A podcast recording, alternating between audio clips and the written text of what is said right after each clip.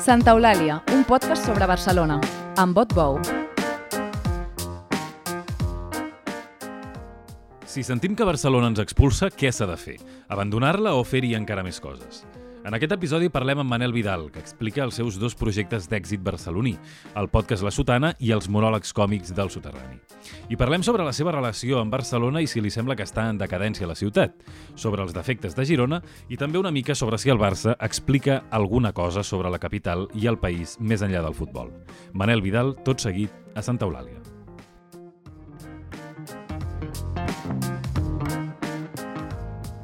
Manel Vidal, benvingut a Santa Eulàlia. Moltes gràcies. Què tal? Un plaer tenir-te aquí.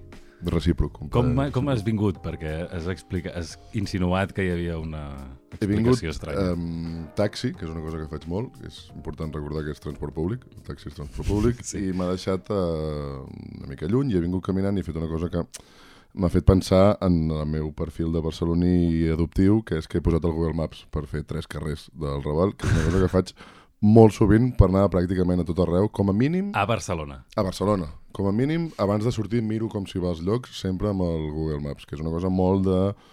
Tinc amics de, o amigues de Barcelona que parodien el noi de comarques que ve aquí i va tot el dia per Barcelona mirant el mòbil amb el cap, acut, amb el cap, cap avall perquè està movent-se per Barcelona amb el Google Maps. I hem quedat, abans de venir aquí a la redacció de VilaWeb, el, la cafeteria aquí al costat, 365, sí. i jo ja hi he estat per aquí, però no tenia massa el cap on era, i el Google Maps em deia, ja has arribat, i jo veia que, que estàvem a la CNT. estàvem, a- hi havia, A la llibreria hi havia, anarquista, Hi, hi havia sí. la llibreria anarquista, i m'ha fet pensar que és un molt bon resum de la Barcelona actual després de 8 anys. O sigui, com a Barcelona dels comuns, és que un, la... el 365 a sota de la CNT ajunta bastant I al costat de Vilaweb. i al costat de Vilaweb, que és com el, allà a la, a la plaça de les Tres Xamaneies del Poble Sec, darrere l'Apolo, Sí. Hi havia la canadenca, que són Sí. la gent que gràcies a les seves reivindicacions laborals no pacífiques van aconseguir la jornada de 8 hores, ara fa 100 anys, etc.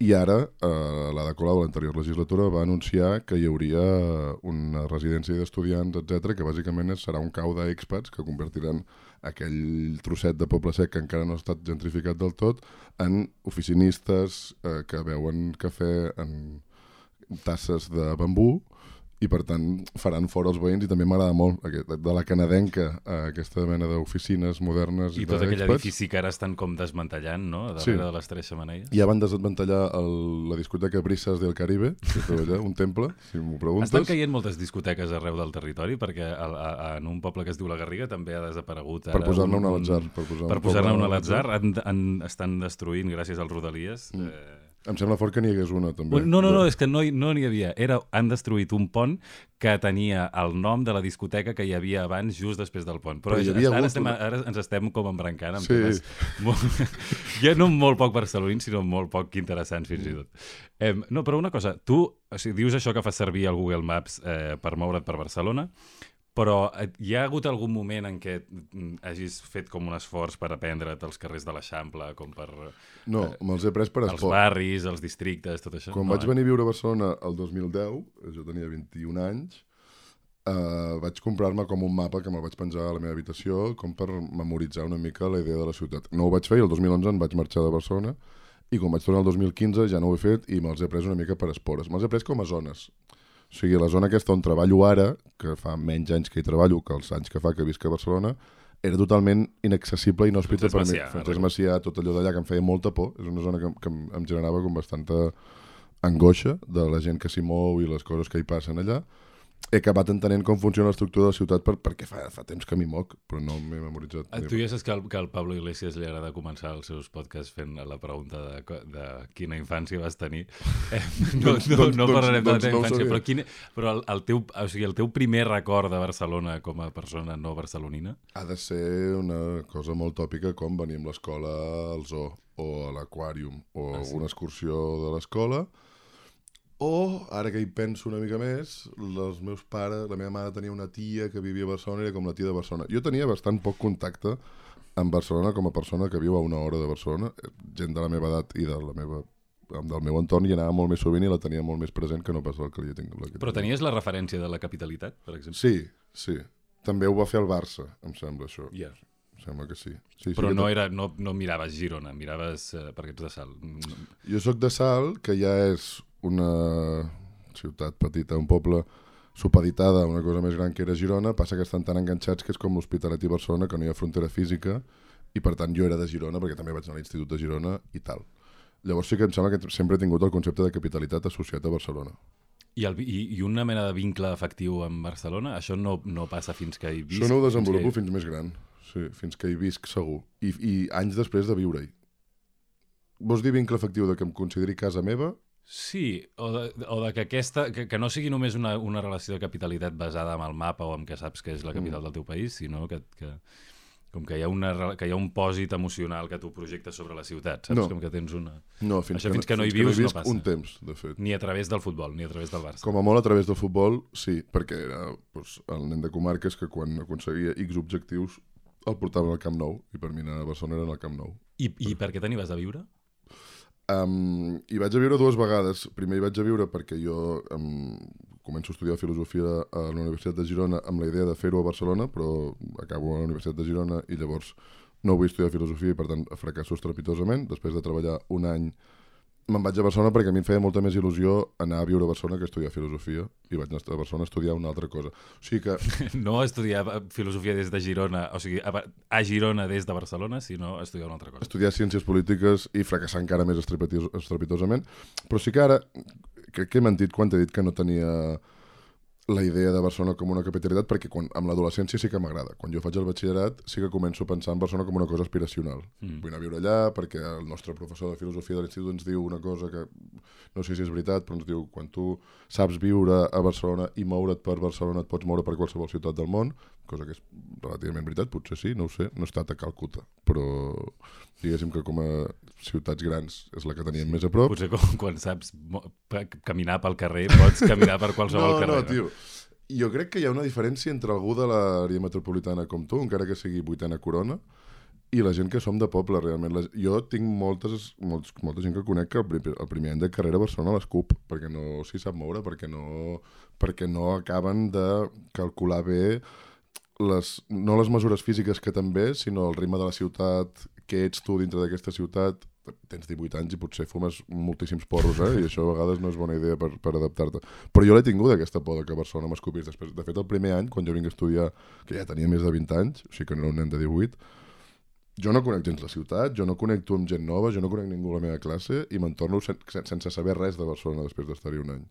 Però això és curiós perquè Barcelona és molt poble, té Sí. molta, a diferència de, de moltes grans ciutats. És Com a molt... ciutat, sempre es diu això, no? que com a ciutat gran No, és però ho és, ho és, perquè tu, Sí. eh, o sigui, la, la, la història aquesta de les set passes, d'estar estar set passes de cadascú, Barcelona és molt exagerat, és de dos. Sí, sí. Sí, clar, és més monstruós Berlín, i ja no et dic Moscou, però, però per, a, per als xavals de poble, els meus amics encara viuen al metro una mica com si fos una atracció, una atracció de PortAventura. I tu això ja no... No, home, no. no, Ni de no conya. Ten 34 anys ja fa... Bueno, bueno, això de eh, Google Maps fa, fa, fa sospitar. no, no, no coneixes gent que ho fa? Tu et mous per Barcelona sense mirar el Google Maps? Jo el miro per mirar les combinacions de transport públic, però no... Jo el miro per anar, uh, sempre que surto de casa, per anar Però és veritat, jo he fet molta vida a Barcelona. Clar. Um, I la, ara hi ha aquesta cosa, sobretot arran del bon moment esportiu del Girona i Mm. del pèssim moment esportiu del Barça, uh, i, del, i del fet que aquí hagi tornat el, el PSC, o tornat entre cometes, i que a Girona... Eh, També, també, també. Girona, no, i que a Girona hi hagi un, un tripartit independentista, eh, com que hi ha, hi ha un cert independentisme urbà desil·lusionat, com que projecta en Girona una, com una certa idea de capitalitat. Tu, eh, això que tu que, estàs, que tens un peu entre les dues aigües, com ho veus? Um, mai he connectat amb la gent de Barcelona que està fascinada amb Barcelona. Ai, amb, al revés. Mai he connectat amb la gent de Barcelona que està fascinada amb Girona. Perquè tinc gent, he sentit gent que em diu sí, sí, perquè per mi vosaltres, quan van entrar en Puigdemont, sí, sí, ho ha de fer un gironí, perquè és la cosa aquesta de la Barcelona catalana que connecta molt i que se sent com molt propera a Girona. A mi Girona no m'agrada gens, ni els gironins tampoc. Mai, No. ni, ni, ni de petit. No. Per què? hi ha un tema pràcticament estètic, que és, que el fet de que, que és el fet de que sóc de Salt i sempre m'ha semblat com que les coses a Salt eren més veritat que les coses a Girona. I també, quan em vaig anar fent gran, em va semblar com que Girona tenia els defectes de la ciutat i els, sobretot els defectes del poble, a nivell social, Mm -hmm. i relacional i perquè hi ha aquest... O sigui, crec que hi ha més aviat un, un cofoisme molt més paralitzant que no pas una altra cosa a Girona. Què vol dir cofuisme paralitzant? Vull dir que el fet de que ara això que citaves, de que el, el Girona va tan bé en el futbol i tal, ens va molt malament, els catalans, en realitat, que els gironins els hi vagi bé. Com que hi ha, que, que, que hi ha una tendència a l'autocomplaença. A 100%, sí. Sí que m'ho sembla, en els gironins, sí. I per això no entenc gaire la cosa aquesta de, de, de la gent de Barcelona eh, independentista o nacionalista que, que li sembla que... Però banda que és molt, que és, que és, és molt diferent tant de, tant de mida com de dinàmica Sí. demogràfica com de dinàmica sociològica. És una ciutat que t'aguanta molt bé 5 dies i a partir de llavors em sembla que és un infern. Però sí que és veritat que hi ha hagut els últims anys aquesta cosa de, de marxar de Barcelona, d'abandonar Barcelona, com, de, eh, com gent que s'ha sentit escopida de Barcelona, no per la mateixa Mm. raó que se'n podien sentir els teus amics quan venien aquí a la universitat, com, sinó per, la, Sí. per aquesta idea de la decadència de Barcelona, que no Mm. sé si tu... Això sí que ho entenc. Sí. Sí que ho entens? Tinc un amic que tu també coneixes que porta, després de viure a Gràcia, porta uns anys vivint al Poble Nou i porta molts anys dient-me marxaré d'aquí, no, no em diu hem de marxar d'aquí, però quan ell em diu marxaré d'aquí jo entenc hem de marxar d'aquí, perquè aquí ens està expulsant doncs el fet de que cada vegada tinguem un entorn on és més difícil parlar català, sobretot si tenim fills, si aniran a una escola on s'hi parlarà més italià o més castellà o més anglès, i té com molt al cap el, el tema de Girona. I jo per primera vegada l'estiu passat m'ho va començar a semblar. No l'alternativa de Girona, però sí la idea de marxar de Barcelona, en algun punt. Però això és una cosa que, que, que em costa d'entendre, perquè no... O sigui, la, una cosa és la, decrep, o la decrepitud de Barcelona yeah. o la decadència o el que sigui, però... Eh, quin, quina alternativa... O sigui, per això insistia tant amb el, amb el vincle efectiu amb la capitalitat, amb la capitalitat de Barcelona, no? Perquè quina alternativa hi ha que continuar vivint a Barcelona Cap, correcte. per reapropiar-te'n? Si el Correcte. problema Sí, és que sí, te sí. n'estan Sí. desapropiant, És com quan ens apropàvem a l'1 d'octubre i la gent que doncs, érem més o menys eh, crítics o que no ens menjàvem la cosa sencera. I jo recordo alguns amics meus dir-me però per què hi vas? Realment? I és bueno, perquè si no hi anem nosaltres realment seran ells i prou. Doncs ho visc una mica així realment. Si a mi Barcelona li veig tots els defectes i em sembla l'única ciutat on puc viure ara mateix i probablement tota la vida. I has continuat fent coses a Barcelona, o sigui, hi ha un... Hi ha un com representes una generació que ha, que, que, que ha arrelat a Barcelona, que mm. ha Mm. intentat fer coses a Barcelona, que ha intentat mm, eh, el soterrani, el, tota la xarxa de monòlegs, de comèdia, de, eh, és, a, es fa a Barcelona. És una cosa després eminentment barcelonina, És, és sí. una cosa barcelonina. Sí. La sotana és una cosa... Mm, no barcelonina, però que parteix d'una cosa Sí. barcelonina, que és el Barça. sí. Eh, i llavors això com, com casen les dues coses? M'has fet pensar que realment he desenvolupat el vincle efectiu aquest que dèiem com a capitalitat a través de fer-hi coses a Barcelona. O sigui, he anat com posant piques a llocs de Barcelona i per tant conec molt Gràcia perquè hi he actuat molt o he muntat coses i he, estat a teatres i a través d'aquesta xarxa sí que me l'he anat sentint meva. O sigui, per, reapropiar-nos per reapropiar-nos de Barcelona, no creus que la solució, per exemple, seria continuar Sí. com fer el doble Sí. de coses en lloc de marxar a fer coses sí, a un altre lloc? estic totalment d'acord amb això. Sí, sí ho sento, ho sento. Pues ja està, acabem, ho el, sento. acabem el programa. Ho sento, ja però sí, sí, sí, sí. Sí, perquè nosaltres actuem amb el soterrani, o actuàvem la temporada passada, i amb el soterrani continuem actuant al Paral·lel 62, que és l'antiga sala Barts, Mm. que és, jo diria que de les molt poques sales del Paral·lel, on hi ha moltíssims teatres i sales on s'hi actua, que s'hi actua en català. Allà jo tinc molt la sensació de- d'indi en reserva. No, no la tinc molt, la tinc una mica. La Sí, sensació però, de... per exemple, són, són uh, tant, tant amb això, o sigui, com amb el càmping Caravan en Cubelles, Mm. que era aquell cicle de monòlegs que organitzàveu allà mateix, eh, com els episodis de la Sotana que es graven allà, hi ha un... O sigui, heu, heu aconseguit posar de moda un cert sentiment, eh, no dic tribal en el, en el mal sentit, però sí que té aquesta cosa com de, Sí. com de, de comunió eh, identitària, ideològica, no sé com, no sé com Sí. descriure-ho, però que és, és una... eh, és una importació, potser, del, del sentiment d'un sentiment que és molt més fàcil trobar al poble, Mm.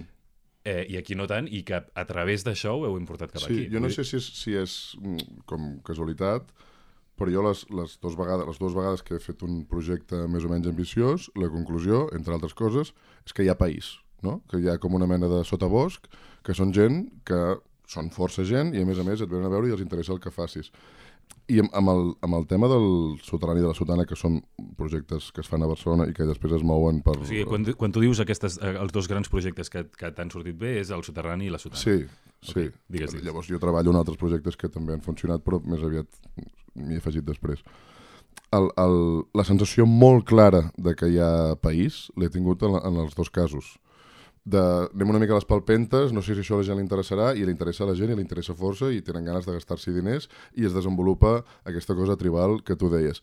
I com a, com a dos projectes que neixen de Barcelona, el, el soterrani potser és més eminentment barceloní que no pas la sotana, però tots dos es fan a Barcelona i després es mouen, jo tinc molt la sensació, no, no sé si, si ho sabré explicar ni si estaràs d'acord, que l'àrea metropolitana de Barcelona és tot el país.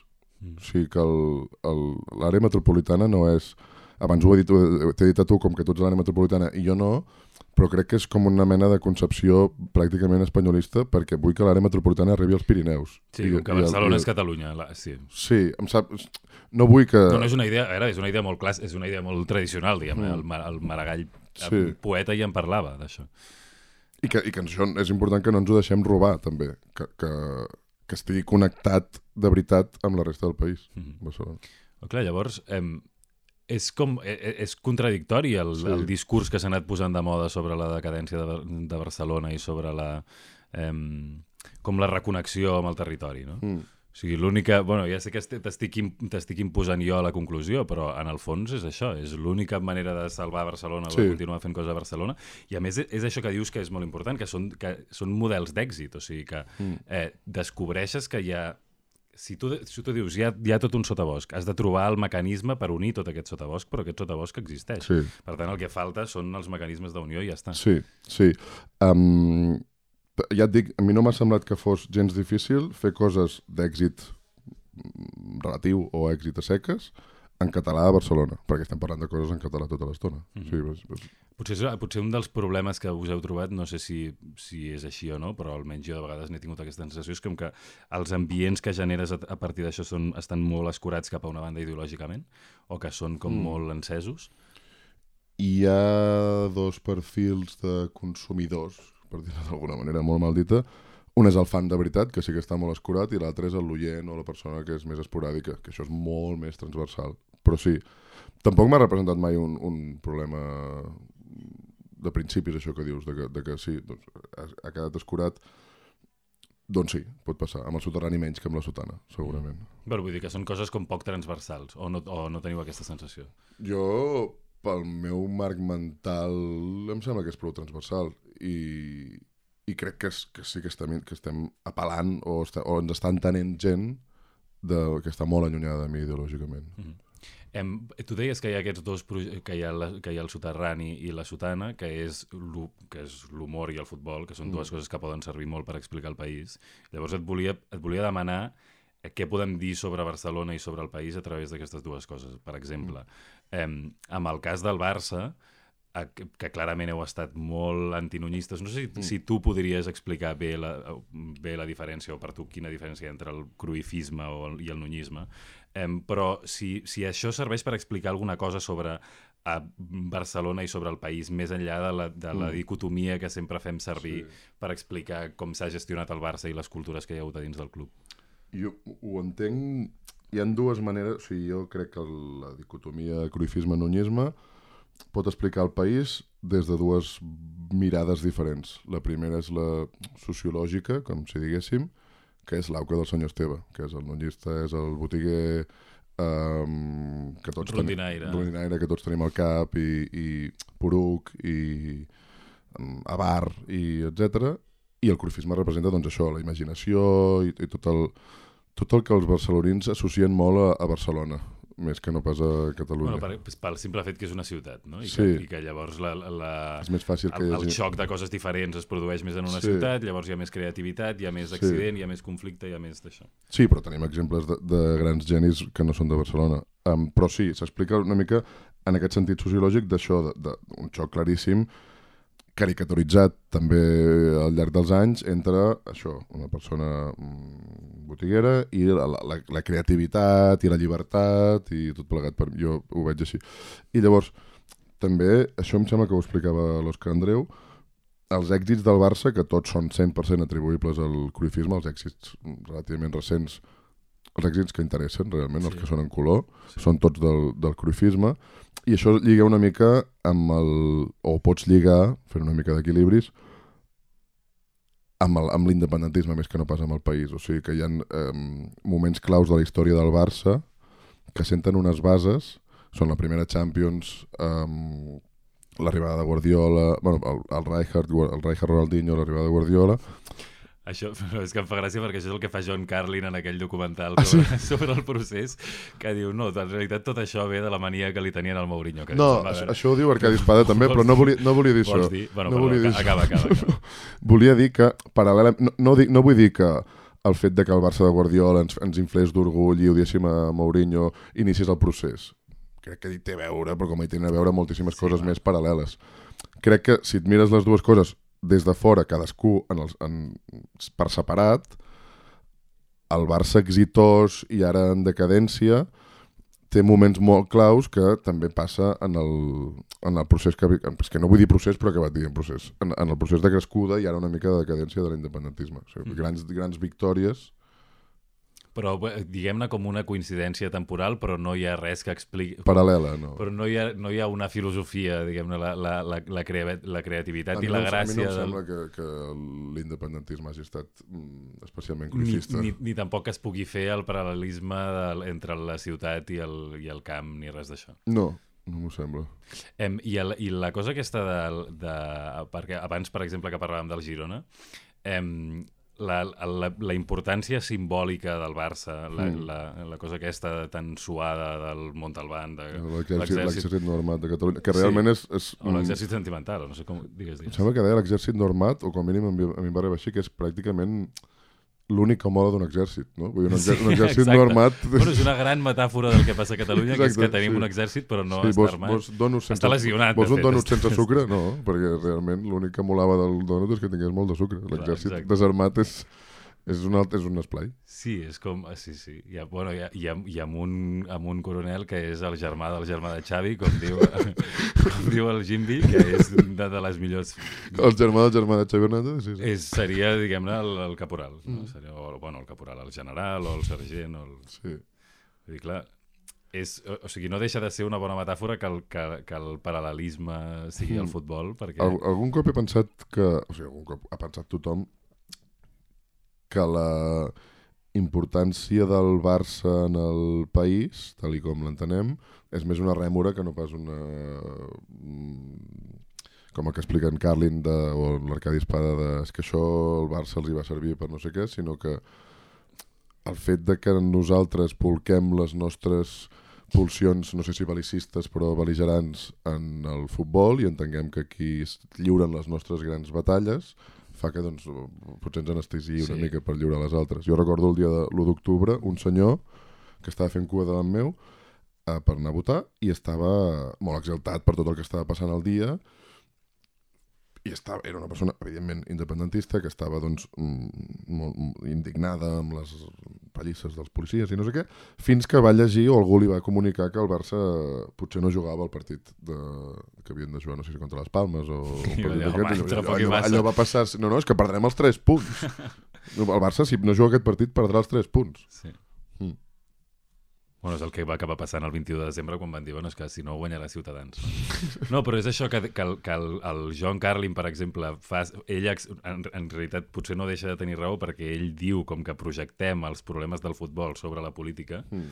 i en realitat el que, ens, el que vols dir és que hem, més aviat ha estat que hem projectat els problemes de la política sobre el Barça. Sí, jo recordo amb, l'època gloriosa de Guardiola, que, clar, tu eres molt jove, però estàvem tots els culers mm, completament borratxos amb el que estava passant. I recordo un dia que vam guanyar 0-2 al Bernabéu, és aquell gol de Messi que Messi en fa dos, primer centrada de Fela i després, després el gol aquell individual de Messi. I estava a casa d'un amic d'un cosí meu que era francès i nosaltres ens vam esperar a veure la roda de premsa de, de Guardiola perquè en aquella època eh, les rodes de... passava al contrari d'ara. Xavi és com el negatiu de Guardiola perquè quan jugava Guardiola, quan entrava Guardiola jugàvem tan bé que després teníem ganes de veure la roda de premsa i ara juguem tan malament que després penses i ara encara falta la roda de premsa de merda que ens servirà aquesta persona. Exacte. I estàvem tots enganxats a la tele pràcticament amb la mateixa passió que havíem vist el partit i el francès flipava també vaig pensar, igual ets imbècil, però ens va dir, clar, al meu país ara hi ha molta atenció mediàtica sobre, no recordo, si, si anem a tirar bombes a Líbia, perquè Sarkozy ha de sortir, no sé què, i vaig pensar, igual ets imbècil, però també em va fer vergonya. O sigui, perquè els agradava les rodes de premsa del Sarkozy. Bueno, era el que es, les portades dels seus diaris eren allò, o el, el, el que obria el seu programa de ràdio, l'endemà del que nosaltres guanyéssim al Madrid va ser el 0-2, em pensem obrim allò segur. I em va fer vergonya, malgrat que, que, que mm, jo era el que més volia veure aquella roda de premsa, però em va fer una mica de vergonya de pensar això realment. És, és... I en el... M'agradaria més que, que, que, que estiguéssim debatent sobre portaavions. I llavors, en, en, en el cas concret del guardiolisme, sí que veus importacions, diguem-ne, eh, de manera de fer o de sentimentalitat sobre el, sobre el procés o la manera com hem viscut Sí, el però procés. negatives totes. Quines són? O sigui, crec que el, el, a Guardiola el que li salva a nivell discursiu és que guanya. Llavors això ho aguanta tot. Ell, amb, a nivell discursiu, és autoajuda molt semblant a la, és una narrativa i un discurs molt semblant a l'autoajuda del procés. Totes les, les mm, consignes de Guardiola, que és un entrenador de futbol i que per tant la seva feina la fa molt bé, però quan, quan nosaltres dipositem en ell les esperances d'alguna mena de guia que en aquells anys i, i ell diu si ens aixequem ben d'hora, ben d'hora, som un país imparable, o quan va a Madrid i a l'hora de premsa diu nosotros somos de ahí, de un país muy pequeño y no pintamos nada aquí, i veig molts paral·lelismes, en aquest cas sí, en el pitjor del, del procés. Amb això de l'autocomplaença que deies de Girona, per exemple, no? Sí. Una mica. Sí, l'autocomplaença o això de um, fer-se més el petit del compte, per la, la, la, la falsa modèstia, que en aquell moment recordo que deien des de Madrid que Guardiola meva colònia i ens indignava molt, però era veritat, evidentment. I crec que això sí que, això sí que potser va traspassar una mica i va tenir com una mica de contacte amb, no sé si conscientment els polítics d'aquest país, perquè sempre tinc el dubte si les coses les fan expressament o sense voler, però crec que sí que van detectar que aquest era un pinso que la gent, en, de, els catalans compraven fàcilment. Em, I sobre l'altra cosa que dèiem que era l'humor, Mm. eh, o sigui, has trobat una... Has trobat... Mm, unes, unes particularitats especials a l'hora de fer humor en una ciutat? O sigui, hi ha una... Per exemple, ah. m'interessa molt la relació amb el cinisme, no? Mm. Amb que no sé fins a quin punt és, és possible fer humor i sobretot viure de l'humor sense que hi hagi una exposició molt gran a tornar-te cínic. Sí, I en general la ciutat, no sé si em compres la teoria o no, però és més propensa a fer-te cínic perquè Sí. és... Primer hi ha més, eh, hi ha més contradiccions, o et, fa, et facilita més portar una doble vida, Totalment. et facilita més Sí. mentir-te tu mateix. No? totalment. Mm, És una mica llarg i no sé si, si ho podré ordenar bé. Um, crec que l'humor pràcticament sempre, almenys quan en fas de cara als altres, eh? no, no l'humor que, que podem... O sigui, quan, quan és una feina, Sí, sí, quan hi, ha, quan hi ha una recepta, diguem-ne, per ac- activar el mecanisme que fa riure l'altre. el que... et- Exacte, uh, gràcies, volia dir això. Uh, el que et pot portar més ràpidament cap al cinisme és un ús molt exagerat de la ironia. Crec que és el pas previ del, del cinisme, que és una cosa que el que nosaltres hem anomenat, o aquí s'ha anomenat l'humor català, per diferenciar-ho sobretot de l'humor espanyol, per, per nosaltres distanciar-nos dels morancos i dir que nosaltres fèiem una cosa més intel·ligent, hem creat una mena d'artefacte que n'hem dit humor català, que bàsicament el que vol dir en molts casos és que fas molt ús de la ironia, que vol dir que a tu et sembla que estàs dient les coses més finament, però que estàs fent és no dir-les. I això Mhm. és perquè som un país ocupat. Nosaltres fem un ús molt extès de la ironia, som, som una gent molt irònica. També és veritat que... bueno, anem, anem acceptem que ho som. Hi ha moltes vegades que penso que amb moltes de les coses que els catalans diguem que som, ho és molta més gent. O sigui que som un poble bàsicament Sí, amb tendència de, a detectar particularitats en coses que fa molta gent. Sí. Si acceptem que les som una mica més irònics que altres pobles, no que tots, Sí, sí. crec que és dolent que ho siguem. Crec que és una cosa que no hem de celebrar, el fet de, de, de que la por a que se t'entengui del tot faci que diguis les coses a mitges. Aquest és el tema de, de, del que jo interpreto de l'humor català. Em fas pensar en plats bruts, que, és, que, que sempre tothom diu és que és una sèrie increïble perquè és boníssima i fa molta gràcia, però Mm. només faria gràcia a Catalunya. És probable. Potser és això, no? Sí. Que Crec hi ha, que- hi ha, no, no, això res, res, era repetir el que deies tu, que, Mm. que, hi ha una, que hi ha un tipus d'humor que només ens fa gràcia a nosaltres perquè és com tots sols ens entortolliguem per dir coses que en realitat tots sabem que volem Sí. dir però ningú s'atreveix a dir-les. Sí. És curiós perquè Plats Bruts clarament és una còpia de les sitcoms còpia molt ben feta de, de les sitcoms americanes, donant-li aquesta pàtina d'ironia, suposo, que, que li dona el, el fet de que només es pugui entendre aquí, i una cosa molt bona, que, que això ja és més tema d'humor, que és que els dos protagonistes es poden discutir en qualsevol moment. Això és el que és el granètic de Plats Bruts, que els guionistes van encertar, van encertar molt en el sentit de qualsevol situació pot generar una discussió entre aquestes dues persones. Crec que m'ho he plantejat moltes vegades amb la sotana, amb... si només s'entendria aquí, i no ho sé, però crec que només podria tenir èxit aquí. Això sí que ho crec. De, referent al que deies de, de l'humor a la ciutat i, i el cinisme, clar, jo, jo ja he girat força, i, de, i detecto d'entrada amb els còmics de Barcelona tenim una certa condescendència quan anem a, altre, a pobles més petits o ciutats més petites, mm. d'això no s'entendrà perquè aquests referents no s'entendran. Encara no resol ben bé si és veritat perquè tampoc t'ho puc negar categòricament. Mm -hmm. Perquè um, el que agrada molt a Barcelona a la gent que veure, sobretot el soterrani, és l'humor de noms. O sigui, si tu dius... Sí, eh, l'humor referencial. L'humor referencial és el sí. que fa més gràcia del món. Bueno, per això deia que és molt poble, perquè en realitat és de l'humor sí. d'aquesta persona que coneixem sí, i, que, i els sobreentesos sí. sobre aquesta persona i els rumors mm. d'aquesta persona. Mm. I llavors deies, diguem-ne, que quan, quan aneu a altres pobles us passa això? Quan anem a altres pobles... Um, jo intento fugir molt de la idea aquesta de que s'ha de fer una cosa més bàsica. Però no es pot negar que la, que la gent educa l'humor també depenent de l'oferta que, que, del, del que li estan oferint. Llavors, si tu has anat a veure eh, en Quim Masferrer i uh, l'altre i no sé què, doncs aquesta gent estan, tenen aquests referents. Llavors, si et poses massa introspectiu, et mentiria si et digués que això funciona igual a Barcelona que fora. Mm -hmm. O sigui, també és veritat és que, clar, no m'agrada la conclusió, però t'he de ser sincer. Jo estic segur... Bueno, sé del cert que quan pregunto a Barcelona que aplaudeixi qui va a teràpia, aplaudeix un tant per cent molt més elevat que quan vaig a, Barcelona, a fora de Barcelona. Quan faig la broma cínica a Barcelona dic que aplaudeixi qui és un aliat feminista, qui es considera un home deconstruït, aplaudeix molta més gent que quan vaig a fora que només ho aplaudeix el meu pare perquè la meva mare li dona un cop de colze i li demana que aplaudeixi. Llavors, um, m'agradaria que això no fos així i segurament en molts casos ho és menys de, del que fa la caricatura, però continua passant. Sí, però ja, però, però, però bueno, passa al revés també, perquè recordo que aquell tuit que vas fer quan Carla Simón va anunciar que anava no, clar, a les llistes de Junts, clar, clar. que vas dir, quina sorpresa, Carla Simón no és de sumar, no és de sumar. les planes d'Hostoles. sí, uah, això va ser increïble, realment. Eh? La gent es va... La gent... No ho entenien. I es van enfadar com si com si Carles Simón fos feixista, realment. sí, sí. Com si, com si els pobles... Clar, no, no entenien l'estructura del que vol dir ser de Junts les planes d'Hostores. Eh, M'ha fet molta gràcia, m'ha interessat molt això que has dit de la ironia com a primera passa del, mm. eh, del cinisme, perquè de vegades em, em, em costa molt quan, quan, em, quan m'ho pregunten seriosament com explicar per què crec que aquest país eh, per culpa de la situació política eh, o del conflicte polític eh, t'empeny moltes vegades a ser cínic mm eh, que és probablement això, com que, hi ha el, com que hi ha el tabú i no es diuen les coses pel seu nom, eh, doncs acabes trobant estratagemes per no ser sincer i això mm. sempre, sempre et porta cap al cinisme, no? Sí. Bu dues coses. Primera, tu has tingut por des de que vius a Barcelona i des de que fas coses a Barcelona de tornar-te més cínic tu personalment? Sí. Sí, per entorn, segur. Sí. Um, perdó, eh? una, una cosa prèvia. Uh, I després et demanaré que em repeteixi la pregunta perquè ja me n'oblidaré.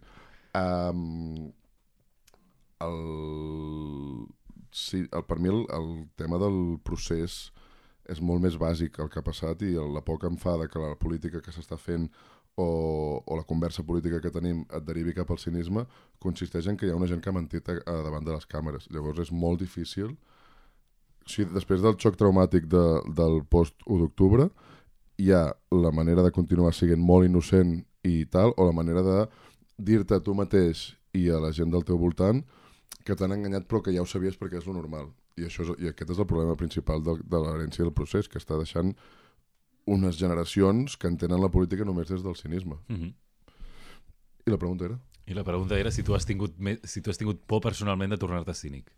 Sí, suposo que sí, sí, perquè, però tampoc haig d'explicar exactament què m'hi ha portat a tenir-ne més, perquè crec que és bastant un, un tema bastant casual d'un entorn amb el qual jo m'he mogut, per la gent amb, amb, amb la gent amb la qual estic començant, o sigui, amb, amb la gent amb la qual tinc relació més aviat um, laboral o d'amistat, doncs hi ha una frivolitat latent que, i, i, un, i un, sobretot ho has dit molt bé tu abans, que les relacions et porten més a, a tenir un doble discurs i una doble vida. Mm -hmm.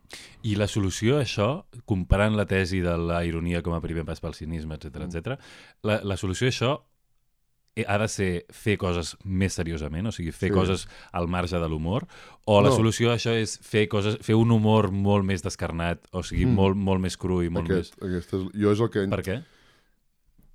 Fer coses serioses està molt bé, però no crec que sigui condició sine qua non fer coses serioses enteses com a coses no humorístiques. O sigui, està molt bé. Jo em, em veig fent coses serioses perquè realment és una cosa íntima de que m'agrada més tenir la raó que no pas fer riure. Llavors um, acabaré fent més coses serioses perquè, perquè més fer riure no hi tinc un talent extremat que em sí que m'ho faciliti molt. Mm. Però la, la solució bona és la segona que has dit, que és no fer tant d'humor des de la ironia, sinó intentar-ho fer-ho cada vegada més visceral. És, el- és el que, jo és el que intento fugir. I en fujo siguent conscient que sóc addicte a això, al, a la ironia que et porta al cinisme. Llavors em molesta molt la gent... I la, el que em molesta més la ironia és, de la ironia és la ironia no humorística. O sigui, la gent que té un grup de música irònica, que és la covardia màxima, que és um, Rigoberta Bandini, començo a fer-ho en broma, si la gent m'ho compra és que era veritat, Sí. i si no és que era broma. Llavors em sembla com un, una aposta a mitges, artística i creativa, mm, absurda. La, la, la, la, les, la, la gent irònica, de per si, són, són el dimoni. I, i, i, i soc conscient que jo l'utilitzo moltíssim perquè és la meva eina més propera, és el que jo faig servir més per fer humor. Jo no mm, tinc facilitat per la víscera ni, pel, ni per la cosa més descarnada, sinó que hi he d'arribar a través de la paraula, perquè a través de, de la cosa física no hi arribaré. Però és el que m'agradaria més fer. Llavors el denominador comú, tant si es fan coses seriosament com si es fan coses amb humor, és la veritat, bàsicament, Sí, com amb correcte, la política. sí. O sigui, com a resposta a la mentida, Sí, diguem-ne, L'honestedat. fer les coses, fer les coses Sí. de veritat. Eh, Te n'aniràs de Barcelona? Te'n vols anar de Barcelona? Continuaràs No. fent coses a Barcelona? Continuaré fent coses a Barcelona, segur. Mm, mig per decisió, mig perquè no puc fer altra cosa. Perquè jo no...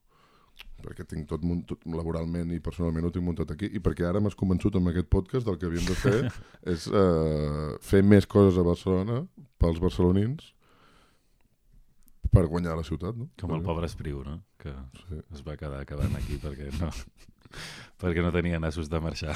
Potser, potser, és, la, potser és el resum de tot. Sí, sí, jo, jo ho he vist molt així, eh, realment. O sigui, um, recordo, no, ja fa anys, vi- vivia al Poble Nou encara, però, però era molt... Recordo un post meu d'Instagram de dir quina puta merda de Barcelona, quina puta merda de Barcelona no podria viure enlloc més. I ho he vist que sí.